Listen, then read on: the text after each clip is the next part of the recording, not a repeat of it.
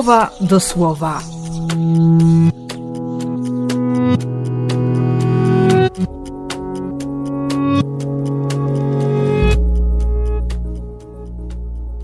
Dziesiąty marca, piątek.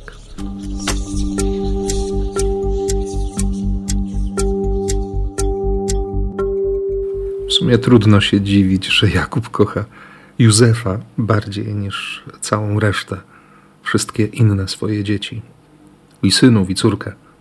Józefa urodziła mu Rebeka, jego ukochana, ta najważniejsza.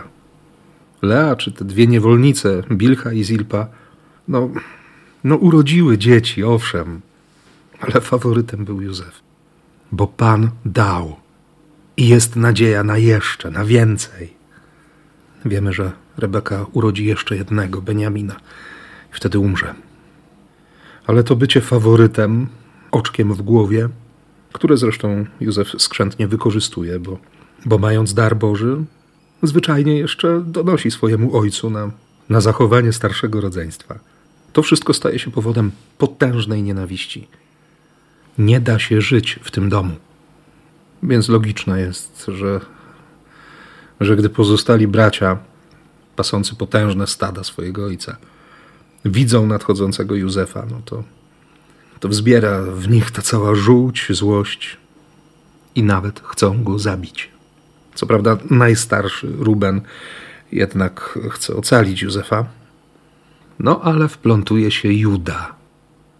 Juda, który namawia, żeby sprzedać najmłodszego do niewoli izmaelskiej, a przecież wiemy, że Izmaelici też cały czas mają mocno, mocno pod włos te relacje z potomkami Izaaka. A po drugie, i być może gorsze, Juda potem będzie wmawiał ojcu, że, że Józef nie żyje, że został zaatakowany przez dzikie zwierzę i pożarty. Taki Juda Taki pra, pra, pra, pra przodek Jezusa. Kiedy czytam to, co się dzieje w rodzinie Jakuba, to po pierwsze wiem, że niewiele się do dziś zmieniło, ale po drugie, i myślę, że to ważniejsze, wiem, że Bóg chce z każdej historii wyprowadzić dobro, chce wyprowadzić łaskę. Chce każdą historię zrobić obrazem drogi zbawienia, drogi do zbawienia, do nieba do szczęścia, do życia. Nawet tam, gdzie pojawia się pragnienie śmierci, gdzie jest nienawiść, gdzie widać totalne zaślepienie. Jak choćby w tej historii, którą Jezus opowiada w dzisiejszej Ewangelii. Oczywiście to jest e, kontynuacja tego, co wydarzyło się wcześniej, na początku 21 rozdziału Mateusza.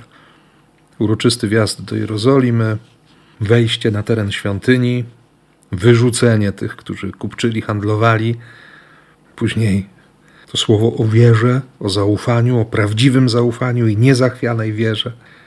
Wreszcie rozmowa z arcykapłanami, ze starszyzną i, i to rzucanie wzajemne pytań. Jakim prawem? Kto cię upoważnił? No to odpowiedzcie. Posłannictwo Jana było wezwaniem z niebios czy ludzkim pomysłem? I później pierwsza z przypowieści. Dwóch synów Jeden, który odczuwa skruchę jednak zmienia zdanie, i drugi, który na odczepne rzuca ojcu: Pójdę, oczywiście pójdę. I konkluzja Jezusa. Ci, którzy zdzierają z was pieniądze i nawet prostytutki, wyprzedzają was w drodze do Bożego Królestwa.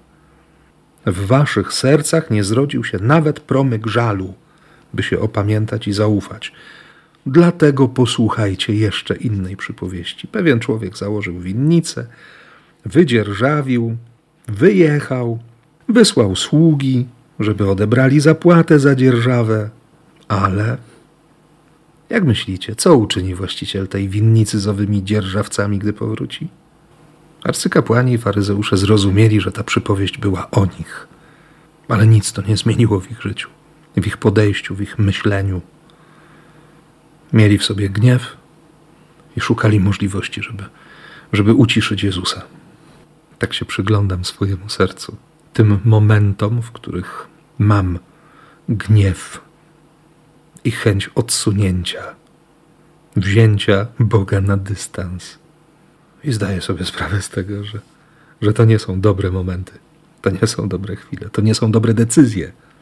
I po raz kolejny ratuje mnie świadomość, że nawet z tych historii Bóg chce wyprowadzić mnie ku życiu, bo Jego słowo i Jego miłość są życiodajne.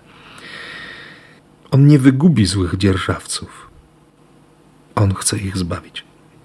Więc tym bardziej chce zbawić Ciebie i mnie. Właśnie za to Mu dziś dziękuję. I również Tobie życzę. Odkrycia i wykorzystania, na ile tylko się da, tej życiodajnej mocy, słowa, tego życia, które jest miłością.